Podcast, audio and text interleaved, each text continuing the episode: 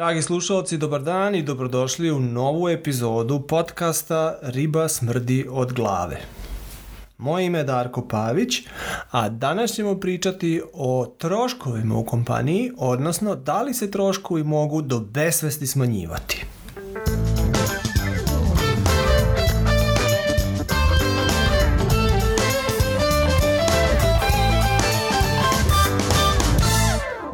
Dragi slušalci, dobar dan i dobrodošli u novu epizodu podcasta Riba smrdi od glave. Jako mi je drago da ovaj put imam malo drugčiji podcast, drugčiji u toliko što nisam više sam. Imam moju dragu kolegicu Borislavu kao gosta. Borislava je inače suvlasnik uh, Service Plusa i Fiscal Solutionsa, isto kao i ja. I Borislava je u našoj kompaniji zadužena za financijski deo našeg poslovanja. Tako da nema bolje osobe osobe, e, ako ćemo pričati o troškovima u ovoj epizodi, onda jednostavno nema bolje osobe koja može dobre i, i najbolje informacije da vam da o našim troškovima i inače o troškovima e, kompanije, odnosno da odgovori na najvažnije pitanje, a to je da li jedna kompanija može konstantno i stalno da smanjuje troškove. Borislava, dobrodošla. Dob, hvala na pozivu i jako mi je drago da postanem deo ovoga i da zajedno sa tobom učestvujem u ovom podcastu i nadam se da ćeš me pozvati još koji put. vrlo rado, vrlo rado. Ja bi napravio prvo kratak uvod ovako čisto da slušalci znaju kako mi dišemo i kako mi razmišljamo pre nego što uskočimo u detalj, tako reći, uronimo u detalj. Prvo svakome jasno naravno da poslovanje svake kompanije nije toliko kompleksno. Na kraju krajeva se sve svede na dva šarafa, šrafa koje se moraju okretati, zatezati ili otpuštati, a to je šraf troška i šraf primanja. Znači, da bi uspeh kompanije bio veći, mogu ili jedini način da budem uspešnije ili da povećam primanja ili da smanjim trošak. Vrlo jednostavno. Tema primanja je isto tako vrlo interesantna tema i o tome da li je moguće povećavati primanje do besvesti, o tom ćemo pričati u jednoj od sledećih epizoda. U današnjoj epizodi ćemo se posvetiti tematici troška i kako trošak može i da li može i da li mora konstantno uh, da se smanjuje. Ali ajde prvo da krenemo od strukture naših troškova u našim kompanijama, pošto sam siguran da to uh, slušalce interesuje, pa Borislav bi nam mogla ukratko reći kako izgleda u principu struktura troškova u našim kompanijama? Da, naravno, ali prvo evo, volio bih da kažem za početak da mi je posebno zanimljiva ona prva tema o kojoj ćeš pričati u nekom sledećem podcastu, a to je baš povećanje primanja. Zato što su primanja onako jako ovaj, je bitno, jel tako, da. raditi na njima stalno i povećavati ih. Jel? Ali što se tiče sad konkretno, ovaj, u smislu principa poslovanja, mi baš možda i nismo tipična kompanija, da tako kažem. E, tako da ovo o čemu ćemo sada pričati vredi za nas, da kažem, a pitanje da li vredi za nekog drugog odnosno možda i se i ne tiče toliko, odnosno možda kod drugih kompanija i nije tako. Uh, ovako, jedan od uh, naših principa je da rastemo iz naš, naše vlastite snage. E sad, šta to konkretno znači?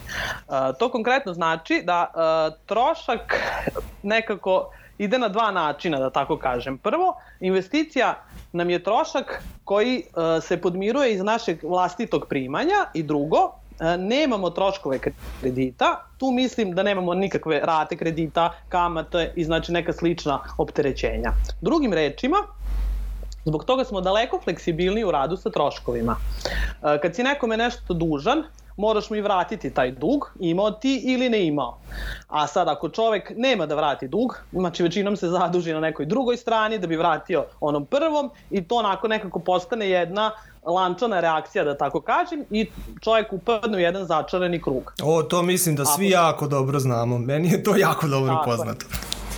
Tako i onda iz tog začaranog kruga se jako teško izlazi. E sad, u našem slučaju, pošto nikome ne treba da vratimo dug, odnosno nismo nikome dužni, mi prosto ako nemamo sredstava, jednostavno stegnemo kajš, da tako kažem. A što se tiče sad konkretno strukture naših troškova, ona, onako u par bih rekla, ovaj, procentualno bih se izrazila, da tako kažem, od naših ukupnih troškova, znači znači koje imamo, na zarade zaposlenih ide 60, oko 62%, što priznaćete onako popriličan iznos, da tako kažem. Mm -hmm. Zatim e, sledi zakup i struja, voda i znači neki drugi operativni troškovi, da ih tako nazovem, tu spada internet, telefon i tako. Na to otpada nekih 14%. Zatim slede leasing, osiguranje i knjigovodstvo sa udelom između 5 i 6% to obično bude tu se menja u zavisnosti, pošto su lizinzi u eurima, znači pa kad se prebaci u dinare, nekad bude veći ili manji kurs, od tog zavisi prosto koji je procenat. Zatim slede porezi, oko 9%, i ostali troškovi kojih poprilično bude, izađemo na nekih 8%. To su neki troškovi koji od meseca do meseca zavisi, znači šta konkretno nam je u planu, da tako kažem, tog meseca. Meni, tako meni da, ako, ako smem da dodam na to, meni je bilo isto vrlo interesantno da primetim da je ova struktura troškova u našim kompanijama u principu od samog početka vrlo slična, odnosno možda čak i ista. Menjale su se recimo apsolutne vrednosti kako smo rasli, ali, ali podela procentualna je u principu uvek bila ista, je li tako? Tako je. Tako je, tako je, mogu reći. Tu kod leasinga je znalo da se menja, nekad je znao da skoči, mm -hmm. obzirom ako smo uzimali nekoliko novih auta, mm -hmm. ali sad se to mhm. negde prosečilo, tako da sad je to to. Par e. procenata se razlikuje, zadnjih jedno 7-8 godina je već vrlo slična raspodela, da. Ok. Ok, meni je to prvo vrlo interesantno i važna informacija naravno da znamo u principu gde su, gde su uh, oni delovi kompanije koji su najskuplji pod navodnicima u smislu koji imaju najveći troškove. Ako Tako. sad raz, pričamo o tome da li možemo neke ili sve uh, troškove da smanjujemo, onda se meni, a i slušalcima siguran sam, postavlja pitanje dokle management može da vrši taj pritisak u smislu ajmo štedimo i dalje, smanjujemo troškove, režimo ovo, režimo ono. Da li to može da ide do besvesti? Pa vidi sad ovako, to je permanentan proces, ja tako volim da kažem. Sad, postoji situacija da uzmemo primjer, recimo ako bi sve zaustavili i ako se kompanija više ne bi menjala, znači onda ne onda ne moramo više mm -hmm. rezati troškove, ili tako? Ali uh, za poslovanje svake kompanije potreban je uh, trošak i uvek taj trošak imaš. Njega jednostavno čim kompaniju imaš, imaš i trošak, je li tako? Mm ovaj, znači, tu su troškovi i znani i neznani, recimo struja, voda i ostalo, uvek ćemo ih imati, plate ćemo uvek imati, koliko god, kolika god da je kompanija, to su troškovi koji su konstantni. Ali je problem, uh, ili problem, odnosno poslovanje kompanije prosto nije statično, ali tako? I ona se menja i kroz vreme i čak da vam posao i stagnira, troškovi rastu iz godine u godinu. Zašto rastu? Zato što prosto sve poskupljuje. Poskupljuje struja, poskupljuje voda, poskupljuju komunalije, plate rastu normalno. Znači, ako ne napravimo protivnavnu težu stalnom rastu troškova, a može se dogoditi da izgubimo kontrolu. Znači, mi moramo uvek kontrolisati naše troškove, uvek se truditi da ih smanjimo. Tako da se mi stalno, stalno bavimo smanjenjem troškova i mislim da to jednostavno tako mora da bude. Ovu sam situaciju ja često viđao kod start-upova koji, koji nisu svesni toga da je to nešto što konstantno moraju da rade, nego samo s vremena na vreme naprave kontrolu, tako reći, i onda shvate, aha, ovaj deo mi je jako skup, tu moram da režem trošak. Ali e, često da. se dogodi Mi da... Mi ne radimo tako. To je i bolje po mom da. mišljenju, jer u suprotnom se dogodi da ti odjednom neki pik nastane i ti odjednom shvatiš, u, skočili mi troškovi, ali gotovo ti je tada su već skočili.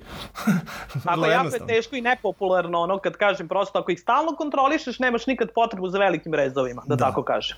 U suprotnom dolaziš u situaciju da onako nepopularne metode neke da, da. da moraju da se primjenju. Jasno. E sad, jedna od tih, siguran sam, nepopularnih metoda je i rezanje onog najvećeg dela kolača u smislu troška, a to su plate. Postavlja I najviše se, boli. Najviše boli, apsolutno. I sad postavlja se pitanje, da li je ta naj, najlakša, recimo, strategija za smanjenje troškova, u smislu rezanja plata, da li ona primenljiva i da li ona uopšte ima smisla ako neka kompanija želi da poveća svoj profit. Često se to čuje po novinama, uništavaju pa, kompaniju, da. otpuštaju ljude da. i uzimaju profit.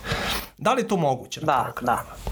Pa vidi, teorijski, naravno, to uvek jeste mogućnost i ti uvek možeš srezati plate 10-15% i to je to, ali praktično je situacija sasvim drugačija, odnosno praktično bih ja rekla da nije moguće tako. A postoji više razloga zašto to jednostavno ne može i nije alternativa, bar kod nas u našem slučaju. A ako pričamo o plati generalno, ima dva ili tri principa koje mi od početka sledimo. A to je prvo, da se držimo obećanja. Ako obećamo, promene plate, povećanje plate ili bilo šta, trudimo se i uvek, se, i uvek ispunimo. A što se tiče uh, druge stvari, mislim da plate spadaju u socijalnu odgovornost svake kompanije, pa tako i naše.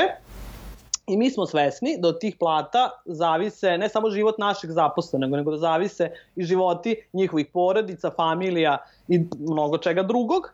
I time plate imaju najveću važnost kod nas. Ja znam da ti to voliš da kažeš da bilo koje smanjenje ili bilo koje povećanje plate utiče na babu, da kažem. Tako je, ali to je stvarno istina. Da, to je ko kad kamenčić yes. baciš u vodu i onda se počnu stvarati valovi. Onda imaš onaj prvi val, pa drugi, pa treći, pa četvrti. E, to je isto u kompanijama je. ista stvar. Ako ja nešto odlučim i nateram nekog da nešto radi, onda nastanu valovi. A oni idu i do babe, i dede, i tetke i tako, tako dalje. ja kažem, zato Baš volim taj primjer da. da kažem kad se jeste, kad se priča o platama.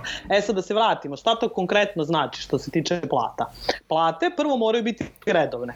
Da čovjek znači može da računa da će prvog radnog dana u mesecu dobiti platu. I ja sam ponosna na to što mi za svih ovih 20 skoro godina, bez malo 18 ove godine, nikad, apsolutno nikad plata nije zakasnila dan jedan. Tako da znači to stvarno mislim da je jako važno za svakog zaposlenog. I druga stvar, plate moraju biti kompletno prijavljene ili kako mi to volimo da kažemo na belo. Jel tako? Da, da. Tako, da, tako da svaki zaposleni može da ono što se dogovorimo dobije na žiro račun i u slučaju ako želi da podigne kredit, da može da ga uzme, da znači raspolaže sutra penzija će mu biti na osnovu te plate, ne na osnovu minimalca. Takođe mm. mislim da je jako značaj, značajan faktor i to. E sad, veličine plata su direktno vezane za ono što čovek radi. Znači, za koju odgovornost ima, kako se razvija. U suštini ono što je najvažnije, što je nama zvezda vodilja, jeste da se plata zarađuje, a da se plata ne dobija. Znači, da ona mhm. nije nešto što ti ono, da kažem, bogom dano, nego prosto možeš da se trudiš i da se zalazeš da bi dobio platu, a i za isto povećanje plate, je li tako? Mhm. Mislim, prosto nema šta. I na kraju ono što bih rekla jeste da je i tržište to koje diktira visinu plate i mi se trudimo i konstantno pratimo tendencije na tržištu i kako raste tržište, kako raste prosek plata, trudimo se budemo u skladu sa tim. A sad što se tiče samog smanjivanja plata, znači po meni, ako bi sad uzeli tu nepopularnu metodu, je tako, znači direktan ili indirektan gubitak ljudi.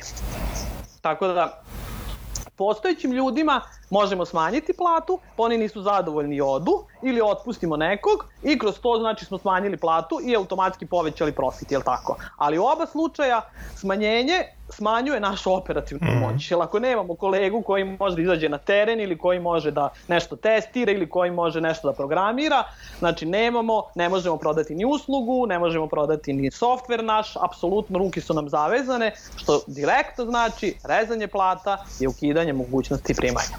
To si baš lepo rekla, zato što ljudi ne misle često tako, misle da im je za primanje nešto drugo potrebno, ali upravo tako je to je. veza, kolega, radnik i njegovo zadovoljstvo i mogućnost primanja. To je ono što je proporcionalno jedno s drugim. To mi se baš tako sviđa. Je. Tako je. Da. Super, ja ti se baš zahvaljujem. Ja mislim da smo vrlo transparentno i jasno predočili u principu e, da li je moguće smanjivati troškove, do kada i kako i šta mora kompanija da uradi da bi preživela i da bi joj budućnost bila u principu dobro nastrojenja, recimo to tako, da kompanija bude spremna pa na budućnost. Jeste, potrudili smo se, mislim da smo bili baš jasni i transparentni. Mm. Eto i nadam se da ću biti gost još koji put, mogu ti reći svidelo se. Meni isto tako, drago mi je da si bila tu, ponovit ćemo svakako ovo. Dragi slušalci, ako vi imate neka pitanja ili komentare, možete to čak putem zvučne poruke učiniti na Ankoru ili na nekoj od drugih platforma gde, gde slušate ovaj, ovaj podcast ili u nekoj, odnosno na nekoj od društvenih mreža gde smo objavili link podcasta. U svakom slučaju, ako imate komentara, radovalo bi nas, a i pitanja naravno, pa ćemo ih odgovoriti. Ja vam se zahvaljujem i nadam se da ćemo se družiti i u sledećoj podcast epizodi. Lep pozdrav ovaj put iz Hamburga i iz Novog I Sada. I iz Novog Sada. pozdrav za sve. Ćao.